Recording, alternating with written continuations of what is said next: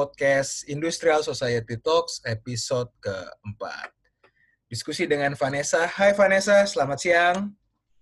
Halo, siang Kak Moses. Waduh, kali ini mahasiswi lagi yang kita interview nih Sobat Teknik nih. Ini bukan saya yang milih, tetapi ada sesuatu hal yang kita harus memilih Pak Vanessa nih untuk diskusi. Vanessa boleh kenalan dulu angkatan berapa, NIM-nya kalau masih ingat sama bekerja di bidang apa Vanessa? Oke, uh, halo semuanya. Nama saya Vanessa, uh, angkatan 2015.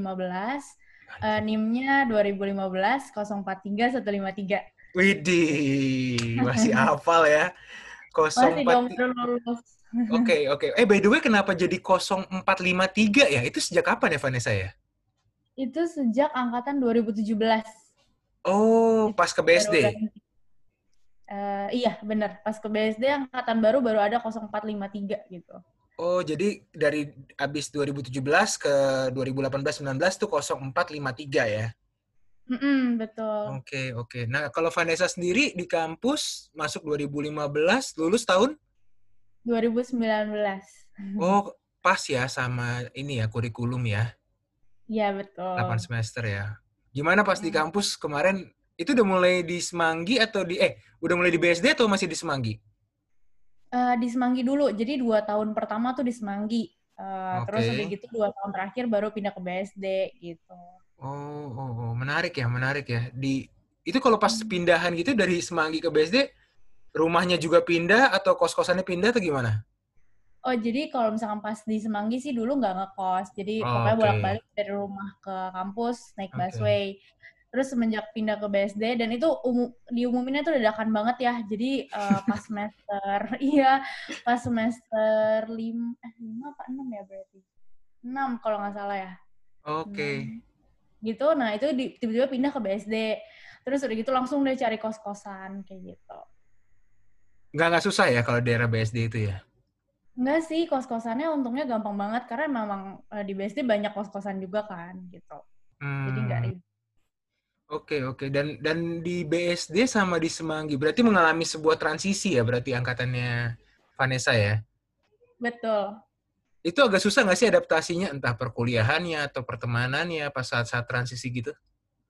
Kalau misalkan untuk perkuliahan dan pertemanan sejujurnya sih uh, nggak gitu itu ngaruh karena kan maksudnya udah pernah dua tahun sebelumnya di Semanggi jadi kayak uh, apa namanya tahun ketiga pindah ke BSD ya teman-temannya nggak akan jauh-jauh lah dari tahun pertama hmm. tahun kedua.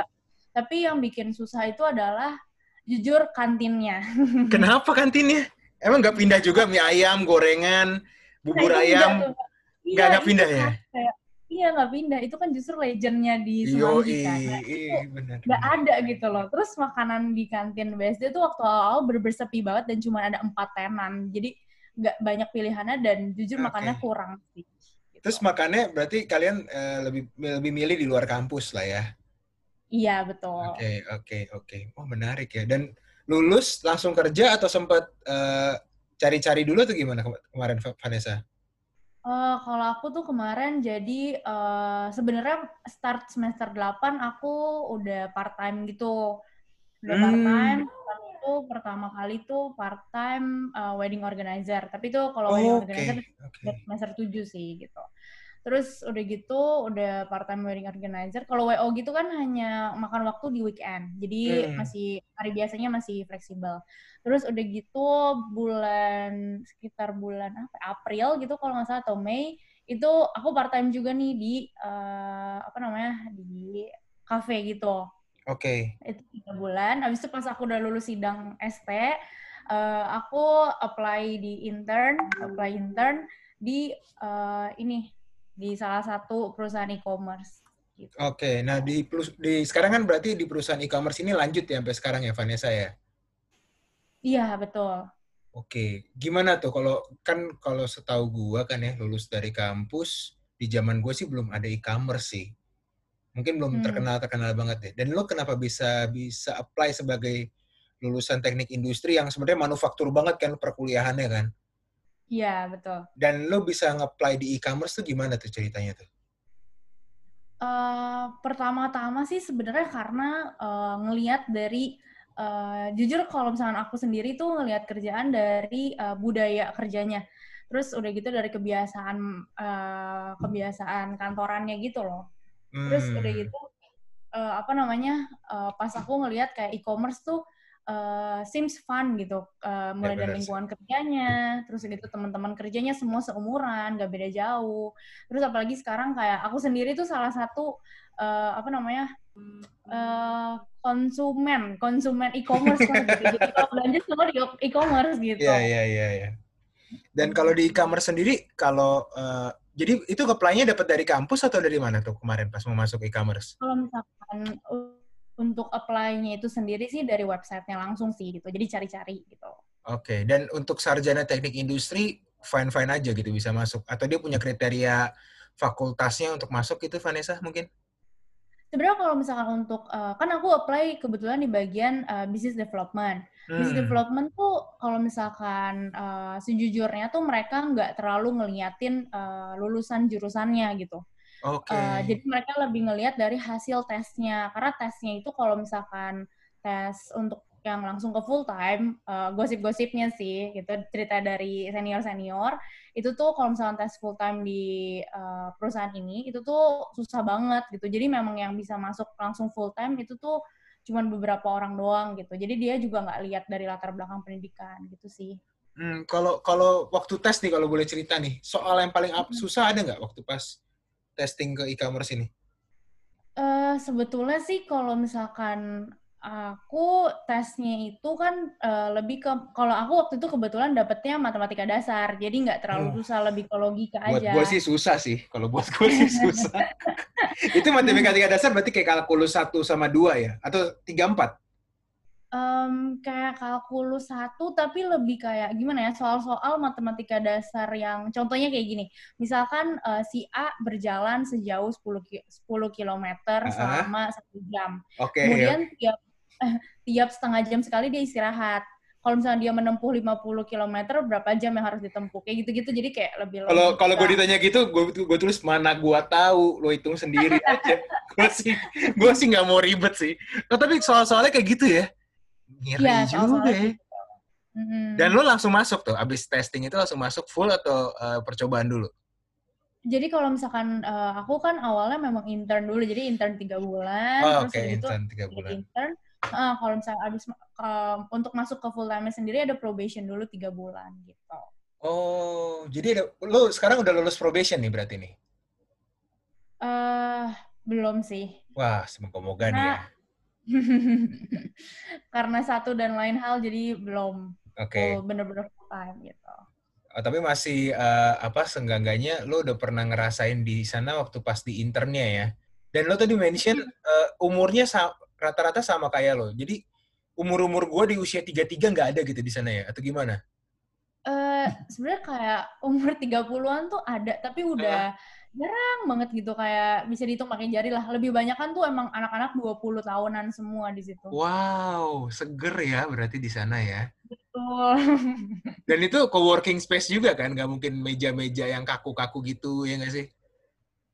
Uh, sebenarnya sih kita tetap dikasih jatah untuk meja kayak oke okay, uh, eh, lo duduk sini ya gitu. Tapi kalau okay. misalkan kayak mau kerja di tempat lain pun it's okay gitu.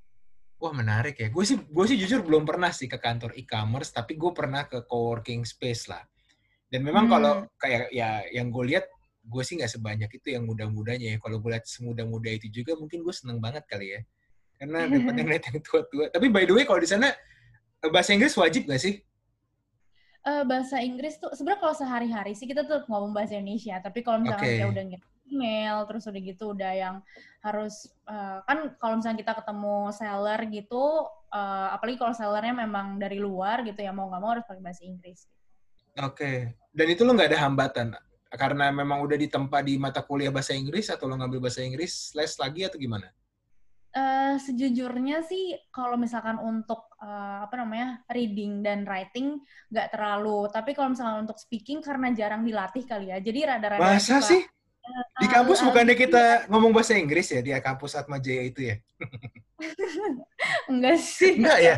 Tahun gue kayaknya ngomong bahasa Inggris loh setiap hari Jumat loh. Oh keren banget sih. Hmm, keren. tapi bahasa Inggris dengan mungkin uh, aksennya bukan British ya, tapi Semanggi gitu. Aksen Semanggi. Gimana tuh kalau aksen semanggi? Wah, itu kayaknya kita nggak bisa cerita di podcast karena banyak yang disensor oh. nanti. pokoknya, pokoknya uh, lo lo cuma di conversationnya untuk keberanian dalam berbahasa Inggrisnya itu ya menjadi tantangan ya. Iya betul sih. Oke, okay. menarik, menarik, menarik. Dan memang uh, di kampus kita masih ada mata kuliah bahasa Inggris ya kalau di kampus ya? Masih, masih di semester satu. Hmm, ada nggak sih yang kepake mata kuliah lo ke dalam pekerjaan lo yang sekarang, Van? Uh, sebenarnya dibilang kepake banget yang langsung kayak misalkan nih, let's say kita belajar Pro terus kepake gitu di hitungannya gitu. Enggak juga sih, tapi lebih kepada uh, cara berpikirnya, analisanya. Kita kan sering banget tuh bikin laporan dulu harus ada analisa. Nah, dari analisanya itu kepake banget sih menurut aku karena kayak ya jadi lebih lebih kritis gitu berpikirnya. Dan lu iya. apa yang gak lu lupain dari mungkin lab laboratorium lah. Yang laboratorium menurut lu sangat menyenangkan labnya siapa? Kalau di kampus? um, kalau sangat menyenangkan, uh, sejujurnya aku suka APK, APSKE. Wow, Pak Yanto ya? Iya, tapi dulu pas zaman aku Bu Vivi. Oh, Bu Vivi yang megang APSKE. Iya, betul. Oke, okay, oke. Okay, baru okay. belakangan Pak Yanto lagi sekarang. Oke, okay, sobat teknik nih yang nggak ngerti APSKE itu keilmuan atau laboratorium yang ngomongin tentang lo ngukur bangku, lo ngukur meja, lo ngukur dimensi orang, abis itu lo buat. Pokoknya jenius banget ya lab ini deh. Dan untuk orang-orang yang suka banget kayak kursi-kursi di IKEA gitu. Nah, itulah lab itu tuh genius banget. Jadi sobat teknik yang dengerin ini jangan bingung karena laboratorium ini memang cukup unik lah di teknik. Selain APSK ya apa kira-kira Vanessa? Uh, Sisprot. Sisprot tuh siapa ya ke, labnya uh, ya? Hotma. Oke, okay, oke. Okay. Lo lo figurnya Pak Hotma tuh sangat terngiang-ngiang di lo lah ya. Iya, betul. Sama sih di gue juga sih.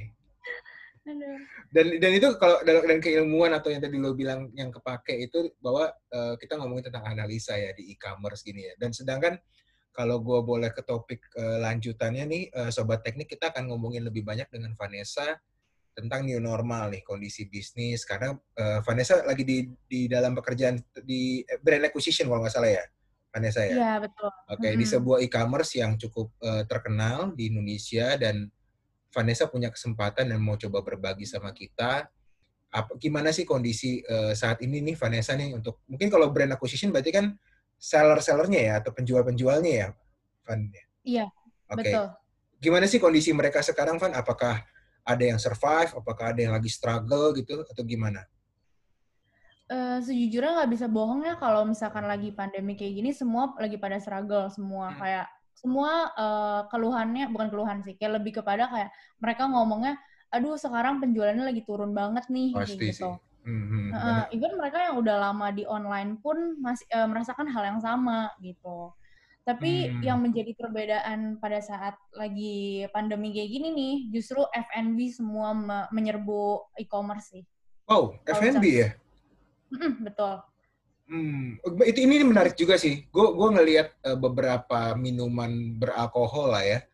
Itu semuanya rata-rata sekarang bisa digojekin atau dimasukin ke e-commerce. Gue langsung mikir, andai pas kuliah gue semudah ini mendapatkan minuman. Dan itu happening banget ya, Van. Gue gue ngeliat salah satu brand yang kalau gue bilang ya anggur lah ya, brand anggur di Indonesia. Cap cap old man lah, cap old man ya kan. Mungkin orang-orang tahu lah itu itu sekarang bisa dipesan melewat melalui aplikasi mereka dan memang bener sih yang lo bilang valid sih F&B itu nggak cuman food ya even beverage-nya juga gokil banget ya Van ya mm -hmm, betul itu kayak yang F&B itu menurut lo peningkatannya bisa di atas 20 atau 30 persen nggak saat ini Uh, kalau misalkan secara online uh, naik sih mereka. Naik ya? Apalagi ya? uh, Uh, apalagi khususnya kayak restoran-restoran yang biasa di mall, terus kan kemarin sempat tutup kan, ah, kan, mereka iya, iya, iya, iya. sama sekali gitu. Hmm. Terus mereka kayak pada bikin frozen food semuanya, hmm, terus okay, udah okay. itu dia jual, jadi bener-bener oke okay banget sih itu. Dan itu sekarang nama belakangnya semua kitchen, kitchen, kitchen, kitchen, kitchen ya? Gue juga nggak tahu iya. kenapa tuh. belakangnya pokoknya ya semua frozen food, belakangnya ada kitchennya. Gue langsung mikir aja kenapa begini ya? Tapi memang mereka uh, itu frozen food itu lumayan tinggi ya di mana ya? Lumayan sih, karena mungkin uh, orang juga udah mulai bingung kan ya harus masak apa lagi di rumah. Terus ah. jadinya ya cari-cari eh ada frozen food, toh juga frozen food kan dimasak lagi gitu kan. Jadi maksudnya mungkin mikirnya kayak lebih safe juga gitu untuk dikonsumsi lagi. Menarik, menarik. Bisa jadi yang sekarang yang lagi pacaran gitu ya. Eh kita mesen frozen food bareng yuk, terus masak bareng di kosan bisa jadi. Nah, Iya ya kan? betul. Emang anak-anak zaman sekarang kreatif, benar-benar kreatif. Makan frozen food di kosan. Ya, ya, oke, oke. Dan em, selain F&B nih, menurut lo ya, Van, kan banyak juga teman-teman kita yang lagi buka usaha ya, perorangan. Kalau kalau kita ngomongin perusahaan ya mungkin mereka bisa survive lah. Tapi kalau yang perorangan juga banyak gak sih di e-commerce lo yang tiba-tiba eh, misalnya dia punya salah satu dapur doang terus dia eh, ngasih frozen food atau enggak eh, makanan-makanan jadi yang harian itu juga banyak gak sih di eh, e-commerce lo? Oh, banyak sih. Maksudnya kayak sekarang kalau misalkan nyari nih eh, kata kuncinya kayak frozen food aja itu pasti kayak keluarnya bener-bener banyak sih. Itu Oke. bener-bener booming banget gitu. Maksudnya eh, nggak di e-commerce aja, kalau kita di- lihat di Instagram pun kayak semua orang sekarang lagi pada jualan makanan juga sih. Jadi kayak emang itu Hmm. booming banget. Gitu. Oke, oke. Jadi makanan lah ya sama sama minuman. Kalau minuman boba-boba gitu masih zaman gak sih? Zaman, masih zaman jujur kayak eh, apa namanya? Ada beberapa brand eh, yang cukup terkenal lah di mall gitu yang sering kita ketemuin itu tuh justru sekarang joinnya e-commerce semua. Mereka jualannya botol gitu. gitu. Botolan seliter ya, biar sehat ya masih ma- ma- apa, orang Indonesia ya. Betul. Biar banyak gula. Parah sih itu. Dan oke, selain F&B menurut lo kayak elektronik juga naik nggak sih kayak eh, beberapa merek handphone atau merek-merek kayak jam olahraga. Dan gue juga kalau sepeda deh, oke sebelum ke elektronik sorry, sepeda naik gak di tempat lo permintaannya? Sepeda eh, lumayan, tapi eh, apa namanya? eh, kurang ini sih. Kurang apa? Kurang kelihatan gitu. Maksudnya seberapa naiknya gitu loh kalau sepeda. Hmm. Karena kalau di booming. tempat gua tuh di Alam Sutra gila booming banget men. Mall sepeda tuh semuanya tuh penuh dan abis semuanya. Lu mau nyari event cuman nyari pedal juga nggak ada tuh kayaknya pedal. Itu Oh gila God. sih. Karena memang gua nggak tahu kenapa ya. Mungkin orang-orang zaman sekarang mau olahraga tapi stylish ya kan. Dia kan nggak ke mall kan. Akhirnya dia sepedahan bos. Iya, Dan benar. dan itu tuh gue cuma mikir kayak gila ya makan soto aja bisa habis 10 juta 20 juta nih kayaknya nih untuk stylishnya doang gitu loh. Tapi Mm-mm. ya gue gue ngelihat memang gue senangnya cuma hidup sehatnya aja lah. Karena gue juga nggak bisa main sepeda kan, gue olahraga gue lari. Dan kalau boleh tahu olahraga lo apa nih, Van? Eh, aku lebih ke yang workout yang 7 minutes kayak gitu-gitu doang sih. Widih, bener-bener anak, oh ya OCD OCD gitu ya? Aduh, tapi jarang gitu kayak Oke, le- eh, apa oke. namanya tingkat tingkat niatnya lebih rendah daripada eh, omongannya gitu. Oke, oke. Menarik sih, tapi em, berarti kalau sepeda pasti ada peningkatan juga di e-commerce. But kalau elektronik gimana? Handphone dan lain-lain itu juga mengalami peningkatan nggak sih? Handphone jujur mengalami peningkatan. Kemarin ini kebetulan di perusahaan e-commerce yang aku kerja sekarang ini Heeh. baru join tuh eh, salah satu eh, brand HP terkenal. Terus Hmm. baru baru join kayak sekitar dua minggu kali. Baru, baru join sekitar dua minggu, penjualannya udah tinggi banget, boom langsung. Iya, Karena mereka selama ini nggak terima pesanan kan, Eh, Iya, cuman iya. terimanya lewat online website mereka gitu. Ya karena mindset orang ketika dulu beli handphone pinginnya ngelihat dulu ya kan terus nego-nego basa-basi terus tanya dia dapat apa baru beli kan. Tapi kan sekarang mereka nggak bisa ke mall kan. Nggak bisa ke ITC juga kan. Mau nggak mau kan dari e-commerce gitu ya. Iya betul. Dan gue Wah, juga ngeliat itu boom banget ya. Apalagi dapat cashback ataupun dapat aksesoris tambahan ya Van ya. Iya pasti ada cashback kalau nggak gratis ongkir kan lumayan banget. Oh iya gitu. sih, iya sih. Gila ya sekarang eh, memang memang eh, rata-rata pembelian itu berubah semua ke online ya Van ya. Iya bener Hmm. sih online semua. Dan kalau lo, lo di sana gimana suasana kerjanya? Lo tadi bilang tentang senior lo juga ada di sana dan ada anak Atma juga nggak sih by the way di tempat e-commerce ini? Oh ada ada, tapi emang nggak gitu banyak sih. Hmm. Gitu yang yang aku tahu sih eh, apa namanya baru beberapa doang anak Atma yang ada di e-commerce ini. Gitu. Ada anak dari teknik nggak? Eh, kalau angkatan aku ada beberapa justru lumayan banyak. Hmm. Jadi sekarang kayak udah ada empat atau lima orang angkatan Wow. aku yang eh, di sana. Gitu. Dari teknik ya? Tek- teknik industri aja atau campur? Ada mesin atau elektro? Teknik industri aja. Mantap. Berarti sobat teknik bisa dengar lah ya. Teknik industri itu sekarang bisa merajai industri e-commerce. Ya nggak sih? Kita nggak cuma di manufaktur kan. Gokil ya anak-anak. Itu 2015, even 2014 juga ada? Atau baru angkatan lo? 2014 aku tahu itu ada satu Hmm, oke. dari industri oke. juga. Karena kalian tuh lulus tahun 2018 ya? Eh sorry, 19. 19, baru Hmm. setahun lalu ya? Iya. Hmm. Oh ya, by the way kalau setahun lalu tuh lo wisudanya di JCC bukan? Masih di JCC Iya, kan? masih di JCC. Tapi hari biasa ya? Hari biasa. Nah, it sucks bro, sucks banget sih. Iya. Benar-benar. Tapi katanya dulu eh, apa namanya wisuda Atma sempat weekend juga ya? Ya iya dong, gue 2011 hari Sabtu bosku. Jadi Bisa Lihat datang anak- lah. ya memang ya mungkin mungkin gedung masih murah ya dulu ya. Sekarang gue rasa gedung JCC mahal banget sih. Iya iya iya benar. Tapi lo, lah, lo harus bersyukur lah daripada sekarang online ya kan wisudanya kan juga kasihan kan sama teman-teman yang nggak bisa wisuda kan. Iya benar sih itu kasihan banget kayak Ya, dia sepi cuma gitu. ya, sepi banget. Walaupun juga di wisuda juga lo cuma ngeliatin mahasiswa terbaik ngocah-ngoceh ngocah-ngoceh selesai. Nggak ada Iya, yang iya. lain. Nggak ada yang lain. Cuman ngeliatin nyokap bokap di foto ya ya it's it's enough lah. But ya gue Ya. cukup surprise sih. Gue juga, juga kemarin diceritain sama uh, Stefani, ketua HMTI tahun lalu juga. Itu tuh bang, interview aja Vanessa, dia di e-commerce dan menurut gue ini menarik karena ini ngebuka mata kita di mana lo sebagai lulusan industri yang benar-benar mata kuliahnya rata-rata manufaktur semua, lo bisa beradaptasi dengan e-commerce kan karena pola pikir lo hampir mirip gitu loh. Mm. Dan kalau lo bisa bagi nih ke kita nih ketika lo kerja gitu, kalau stres biasanya lo ngapain, Van? Eh, kalau stres jujur aku banyakan nonton Korea. Oke, film-film perang gitu ya yang Korea ya?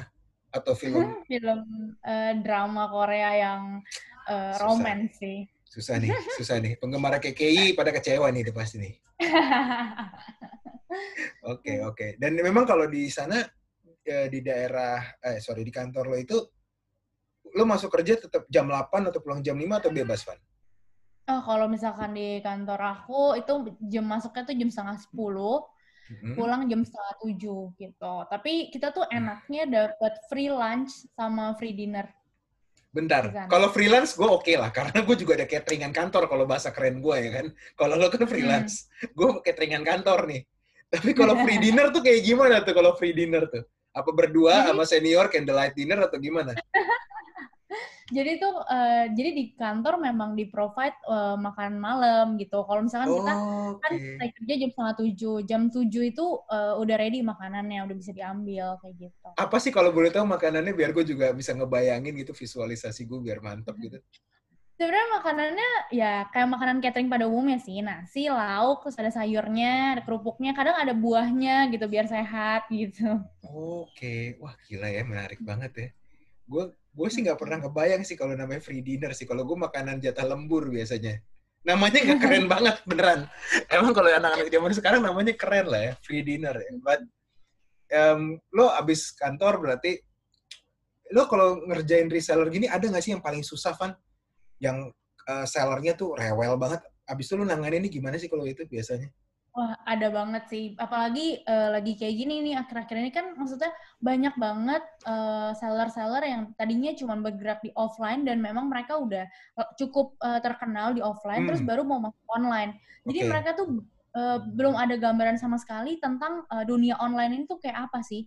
Jadi Mhm. ketika aku ngejelasin kayak oh ini harus kayak gini ya ini ini kayak gini ya gitu mereka tuh nggak paham gitu jadi harus dijelasin berkali-kali dan itu jujur ada menguras tenaga gitu karena bener-bener udah di screenshotin salah satu langkah-langkahnya tapi masih kurang paham gitu jadi sebenarnya kalau misalkan kayak gitu lebih ke arah eh, buat ngatasinnya sih yang rewel-rewel dan yang kurang eh, apa namanya yang untuk susah ngerti lah gitu untuk ngejar dunia online-nya lebih ke arah ya harus sabar-sabar itu pertama pasti yang kedua, eh, jadi lebih sering kontekan sama mereka sih. Jadi kayak Hmm. kalau misalkan di chat nggak ngerti, oke kita coba by phone gitu. Biasa kan ada orang yang ngerti lewat tulisan, tapi ada juga yang lebih cepat ngerti eh, lewat eh, verbal aja kan kayak gitu. Jadi ya segala cara lah di, di, di dilakukan gitu supaya mereka cepat ngerti sih.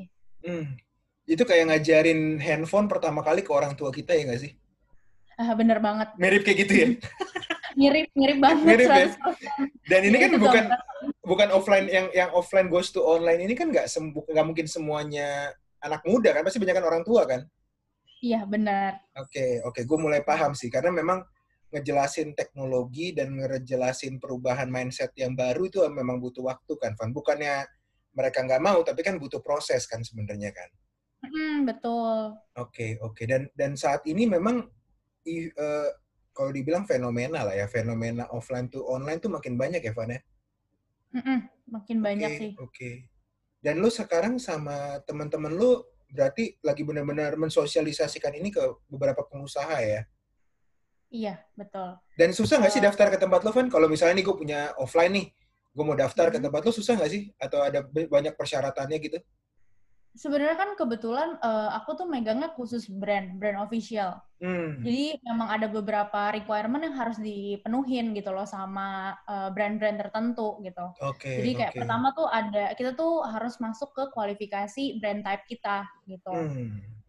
Terus udah gitu, yang kedua nanti ada dokumen-dokumen yang harus dilengkapi. Dan salah satunya biasanya yang jadi hambatan juga nih buat uh, brand-brand yang maksudnya sebenarnya udah terkenal tapi karena dia nggak punya dokumen ini, jadi dia nggak jadi bisa masuk, yaitu haki atau pendaftaran merek. Wah, iya bener. Itu tuh, tuh, tuh masalah sih. Eh, bener, itu bener banget gue highlight juga sih. Karena temen gue juga punya satu brand, kopi. Itu tuh Hmm. hakinya tuh diurus dari awal tuh. Van. Hakinya semua diurus, nama PT-nya disamain, semuanya. Gue juga nanya, kenapa lo ngeluarin duit segede gini? Karena dia bilang, ini modal gue, Ses. Karena kalau gue nggak ngurus ini, nanti ke depannya gue juga sulit. Itu bener-bener gokil ya, haki itu ya. Bener sih, bener banget. Oke, oke, Itu- oke. Emang istilahnya itu dokumen yang wajib juga sih di kita. Jadi kayak kalau itu nggak ada, sorry kita nggak- bisa gitu. Jadi cuma bisa jualan as regular seller aja kayak biasa gitu. Oh, kalau regular seller berarti dia kayak eh, toko-toko konvensional yang masuk doang gitu ya, Van ya? Beda sama yang brand ini ya? Iya, betul. Mm-mm. Oke, oke, oke, oke. Dan memang kalau mungkin sobat teknik eh, mau tahu juga tentang haki ini juga kan yang permasalahan ayam geprek ini kan juga jadi masalah juga kan, Van ya? Iya benar Kalau benar. lo lihat namanya cuma beda ayam doang itu udah masalahnya ke mana-mana. Dan ya ini sobat teknik yang punya usaha yang lagi mau merintis usaha better urus deh. Tapi setahu gue juga nggak mahal-mahal banget kok ngurus haki itu. Kalau memang eh, memang nama ataupun originalitasnya baru pertama kali gitu ya. Tapi kalau udah ada yang mirip-mirip nah itu mungkin agak susah sih Iya benar-benar. Kemarin ini juga ada salah satu seller aku yang sharing hal yang sama persis yang barusan kamu saya sebutin. Jadi Hmm. eh, karena dia tuh cuman beda. Jadi dia brandnya tuh Lala dan Lala gitu misalkan. nah misalnya itu Dan itu dannya itu dia awalnya mau pakai N, pakai bahasa Inggris, Ah. AND. Kemudian karena ada yang mirip, jadi katanya nggak bisa. Jadilah dia Benar. ganti, ini jadi pakai simbol kayak gitu. Itu dan itu ngurusnya susah banget katanya. ya tapi better dia urus sekarang daripada kayak kasus ayam geprek ya kan itu kalau Iya, gue kalau gue denger kasus ayam geprek mau dari versi A atau versi B itu dua-duanya salah sih buat gue sih dua-duanya Hmm. dua-duanya salah dan memang harusnya ya udah separate aja lah nggak usah sama-samain nama gitu loh mau siapa pun Iya. itulah ya yang menang atau yang kalah Hmm. tapi by the way memang kalau gue eh, sobat teknik dengar memang ini kita ngomongin tentang eh, bisnis yang dari offline ke online dan kalau boleh dengar juga nih dari Vanessa benefitnya apa sih kalau lo dari offline ke online tuh sebenarnya Van mungkin biar sobat teknik tuh juga eh, aware lah kira-kira kalau gue mau buka bisnis gue punya brand emang benefitnya apa sih buat gue kalau gue onlinein gitu loh Van Eh, sejujurnya yang pertama pasti dari eh, ini sih, dari eh, secara pengeluaran. Maksudnya pengeluaran dari sisi apa nih? Kalau offline kita harus sediain tempat. Hmm. Eh, maksudnya kalau ini F&B ya, kalau F&B berarti harus ada tempat. Eh, kalau misalkan eh, baju-baju juga harus nebeng orang, misalkan eh, nebeng department store atau misalkan emang buka toko sendiri. Terus Hmm. udah gitu he- lebih lebih hemat juga di sumber daya manusianya.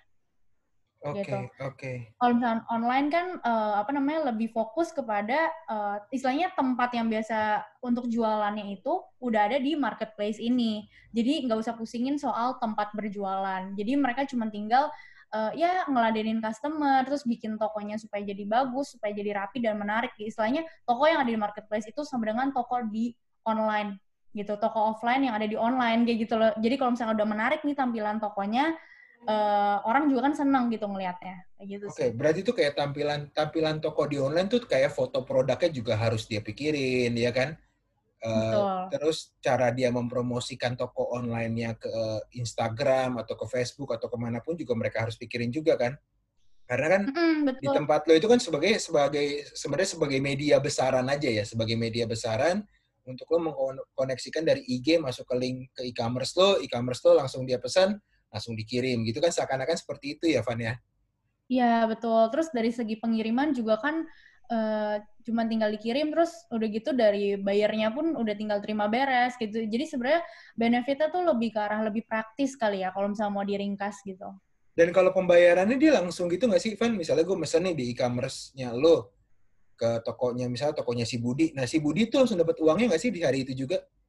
Oh iya pasti. Jadi sebenarnya kalau misalnya untuk dapat uangnya langsung hari itu tergantung dari bayarnya. Jadi hmm. once barangnya udah dapat, misalkan si buyer nih uh, udah beli uh, misalkan pulpen gitu. Terus pulpennya udah datang nah abis itu dia tinggal klik aja kalau misalnya emang dia beneran udah udah dapat pesanannya. Kalau dia udah udah klik pesanannya udah klik terima pesanan duitnya akan langsung masuk ke sellernya. Itu otomatis gitu. Gila ya enak banget ya. Berarti lo nggak usah ada orang kasir lo nggak usah ada orang marketing dan lo bener-bener fokus ke core operation lo doang ya. Karena semuanya ya, udah udah udah dibantu semua di online ini ya Mm, betul. Oke, okay, tapi Even memang di online hmm. di marketplace tuh bisa pasang iklan gitu loh. Oh Jadi gitu. Jadi nggak kalau sama Instagram Ads kayak gitu-gitu, iya. Masa sih? Gue kira cuma di Instagram Ads doang ada iklan. Oh di tempat tuh juga ada iklan? Ada, ada, ada. Jadi okay. kalau misalnya mau pasang produknya nih diiklanin gitu. Hmm. Uh, let's say jualannya ikat rambut, tapi ikat rambut kan banyak jadi bisa ke duluan sama uh, penjual-penjual yang lain dong barang-barangnya. Nah, dipasang iklan supaya muncul paling atas pun bisa gitu. Oke, oh lo, lo, logaritmanya ya, wah anjing bahasanya keren banget logaritma. ya pokoknya, iya, padahal logaritma tuh kalkulus satu, kalkulus dua gue juga nggak lulus lulus, tapi sekarang jadi bahasa yang keren ya kan. Seakan-akan tuh bisa ngerti gitu ya, padahal mah kagak, codingnya nggak ngerti. Lalu programan komputer dapat gak sih? Angkatan lo pemrograman komputer? Dapat, dapat. Dapat ya. Tapi padahal itu kalau kalau kita tekunin tuh kita bisa jadi developer ya saat ini ya. Iya, betul sih. Sayangnya enggak ya. Pusing juga kali ya belajar komputer. Iya, iya, iya. Dan dan menariknya memang uh, kalau gue lihat dari AdSense gitu ya, ya kayak termasuk e-commerce tuh sekarang kan di YouTube kan ya lumayan banyak ya AdSense e-commerce tuh ya setiap anak gue buka apa lah ini lagi ini lagi. Tapi memang AdSense itu uh, sesuatu hal yang menurut gue wajar karena mungkin orang makin dikit yang nonton TV ya. Lebih banyak menghabiskan waktunya di Instagram, YouTube, Facebook atau ke media-media yang lain ya kayak TikTok atau yang lain lah. Dan hmm, itu betul banget. Itu ya itu lo banget ya TikTok ya? Waduh, enggak, enggak. Dan um, kalau saat ini dari sisi e-commerce itu juga itu akan berkembang terus gak sih, Van? Atau dia tetap uh, wait and see dulu saat ini untuk e-commerce lo? Uh, kalau misalnya untuk berkembang pasti berkembang terus sih. Jadi kayak tapi berkembangnya lebih ke arah yang kayak uh, apa ya? Model-model campaign apa sih yang mau kita uh, bangun lagi gitu ke depannya supaya uh, dari uh, seller dan dari bayarnya ini dari dua pihak ini tuh sama-sama mengalami benefit gitu loh. Makin lama mengalami benefit yang lebih banyak gitu. Nggak nggak nggak itu itu aja gitu. Dan nggak sama kayak kayak e-commerce yang lain gitu. Ya karena kan kalau gue lihat kan kalau e-commerce e-commerce baik yang berwarna hijau atau yang lain-lain gitu ya biasanya kan dia kan hari kemerdekaan. Ada promo kemerdekaan. Hari hmm. bentar lagi misalnya hari uh, Natal ataupun hari uh, November tuh apa sih? Oh Halloween, Halloween semua. Biasanya kan uh. event ya. Kita ngomonginnya event ya. Which yeah. is uh, menurut gue itu kalau gue kan kerja di Express saat ini kan, itu gokil hmm. banget sih kalau di bandara. Gokilnya gue kayak bisa ngeliat gila kayak semua manusia pindah ke dalam barang atau lo. Rame banget tuh di bandara bos. Dan um, kira-kira menurut lo itu kan suatu hal yang biasa ya. Menurut gue semua orang bisa nebak kok setiap bulan pasti ada event ya. Dan um, memang uh, untuk merubah mindset sih, menurut gue orang Indonesia itu ada yang mulai lebih mungkin daya daya belinya bukannya kurang, tapi kepercayaan untuk membelinya tuh bisa ragu kalau dia nggak ngeliat fisik barang. Itu bener nggak sih, Van? Oh iya, itu bener sih. Uh, maksudnya nggak bisa dipungkiri kayak masih banyak uh, pembeli yang masih lebih milih untuk belanja secara offline aja gitu karena uh, kalau misalkan di online ya udah fotonya bagus tapi kayaknya barangnya biasanya diterima nggak sebagus itu gitu biasanya karena ada pengalaman sih kalau kayak gitu dan biasanya hmm. kalau kayak gitu lebih banyak uh, kalau misalkan aku perhatiin lebih banyak yang berpikir kayak gitu adalah orang-orang yang uh, udah 40 ke atas kali ya jadi memang uh, istilahnya jangan salah loh, jangan salah loh. Yang umur 30-an juga ada yang kayak gitu loh, Van. Kayak ya, hmm. coba misalnya lo mau beli handphone iPhone 11. Menurut lo, lo hmm. berani nggak beli online? Uh, itu 13 juta loh, Bos. Dulu. oh ya, iya, makanya lo, tokonya dulu. Lo lihat tokonya, misalnya dia power merchant lah ya kan. Gokil lah, misalnya hmm. original merchant misalnya gitu. Lo berani gitu, ngeluarin 13 juta terus ntar ngeliat lagi yang lain. Okay, Biasanya cari okay. dulu nih. Uh, Sama kolom komentar ngaruh nggak sih? Kolom komentar atau uh, ulasan gitu? Uh, menurut aku sih ngaruh ya. Kalau misalkan kayak ada ada orang yang pernah rating satu dua gitu, oh iya benar. Itu berarti bener. ada sesuatu yang salah gitu loh di produk itu. Nah itu udah mencurigakan. Oke okay, oke. Okay. Jadi memang kalau dulu kan kita kan juga ya memang kalau kita beli offline kita nggak tahu pendapat uh, pembeli yang lain karena kan nggak mungkin ada tulisan di mading kan kayak di majalah dinding gue beli ini kan nggak ada di situ kan. Iya benar. Tapi kalau kita di online kita tahu uh, ulasan dari pembeli sebelumnya. Jadi mm -hmm. itu yang menjadi indikator ya. Karena gue juga gue misalnya gue mau beli handphone nih sama bini gue harga 4 juta 5 juta mungkin kita online kita masih berani. Tapi kalau udah harga 13 juta gue mikir sih bro, bos. Aduh, aduh, nunggu mall buka aja lah ya, nunggu mall buka ya. Karena kan nominalnya kan gede kan. Which is kalau misalnya lo kenapa-napa sama tuh paket kan nyesek juga gitu loh Van. Even lo ya, asuransi. Eh, ya memang ada asuransi pengiriman kan. Tapi kan ya. ketika nyampe di depan rumah lo dan kenapa-napa tuh kan kayak oh my god langsung ah nyesel gue ini. Walaupun balik ya duitnya, tapi kan rasa ya, kekecewaan itu kan yang kadang-kadang Indonesia tuh lebaynya kuadrat, Bro. Iya. Ya itu langsung seakan-akan tuh dunia runtuh padahal bisa diganti kan Van kayak gitu-gitu kan. Ya, bisa diganti dan kadang uh, maksudnya diganti pun uh, ada kesepakatannya gitu loh. Lu mau ganti uh, barangnya atau lu dibalikin aja duitnya betul, gitu. Jadi betul. Uh, si barang itu dibalikin ke sellernya, duit lu balik gitu. Iya, memang uh, ini sih pendewasaan untuk uh, pembeli-pembeli ya termasuk gua juga sih. Maksudnya mungkin kita masih baru bisa berani di angka satu jutaan lah transaksi terbesar ya dan ini kan sebenarnya kalau lo lihat di luar negeri, di Amazon atau kalau ngomongin, eh, ini bukan Amazon Brazil ya, Amazon yang startup nih, jangan ntar ngomongin ya. hutan lagi nih. Maksudnya di Amazon atau di eBay kan orang-orang Amerika sana kan udah mulai terbiasa kan untuk belanja di atas 10 juta mungkin ya, Van ya. Ya, yeah. lo masih bisa believe gak sih bahwa ini bisa, ya kayak gue tadi ya, apakah lima tahun ke depan pembeli kita akan lebih mature gak sih tentang ini? Uh, menurut aku sih mungkin sih, mungkin banget malah. Apalagi setelah ada uh, pandemi kayak gini nih, si corona ini, hmm. uh, itu jadi justru orang-orang memang mulai belajar mau nggak mau dan terpaksa belajar untuk percaya sama dunia online. Karena okay. uh, apa namanya didukung sama kondisi yang harus social distancing, kalau bisa di rumah aja, terus udah gitu uh, di mall juga ngerasa kurang safe gitu loh sekarang jadinya karena banyak orang uh, maksudnya banyak ketemu orang kayak gitu-gitu jadi uh, secara nggak nggak sadar dan terpaksa mau harus belajar untuk percaya sama dunia online gitu oke okay, oke okay. dan memang ya saat ini gue masih percaya sih kalau untuk elektronik dan F&B tadi yang lu bilang masih naik sih gue masih percaya sih itu itu itu bakal naiknya sih gila-gilaan karena mereka nggak bisa keluar rumah dan mereka sebenarnya kalau untuk fashion juga naik nggak sih Van menurut lu Van? baju oh, gitu-gitu. Naik sih. Naik, Masih naik, naik ya? Padahal mereka pakai baju itu mau ke mana ya? Kan cuma di rumah doang gitu loh. Iya bener, tapi masih kok. Ya, tapi hmm, mungkin itu karena TikTok juga ya. TikTok kan suka buat challenge-challenge gitu ya nggak sih? Yang cewek-cewek ngeliat yeah. jatuh-jatuhin make up ya kan? Terus dia iya, pakai baju betul, rapi. Betul, betul. Kayak gitu kali ya. Zaman zaman ke depannya ya. Jujur kayak aku sebagai cewek kayak selama WFH ini uh, tiga bulan ya tiga bulan di rumah uh, terus nggak keluar rumah kan nggak nggak perlu dandan nggak perlu pakai baju rapi gitu gitu kan. Jujur ada rasa kangennya gitu. Jadi mungkin kadang orang kayak iseng aja gitu. Eh ada baju bagus ya beli deh gitu. Iseng aja gitu buat dipakai di rumah kayak gitu kalau lagi terus IG story IG story IG story gitu. Iya IG story itu soal rapi tapi tapi nggak nggak cuman lo nggak cuman lo. Gue tiga bulan ya tiga bulan WFH gue beli skincare sih. Gue sebagai Nah, kan? cowok gue gue gue ada satu di tempat lo juga di e-commerce lo juga. Dia ngasih Mhm. satu paket eh, Nivea ke gue jadi gue beli lotion gue beli deodoran gue beli eh, parfum. Gue udah dapat Hmm. skincare-nya cuma seratus ribu. Ya gue ambil. Dan gue gue dapet Ya, kaos.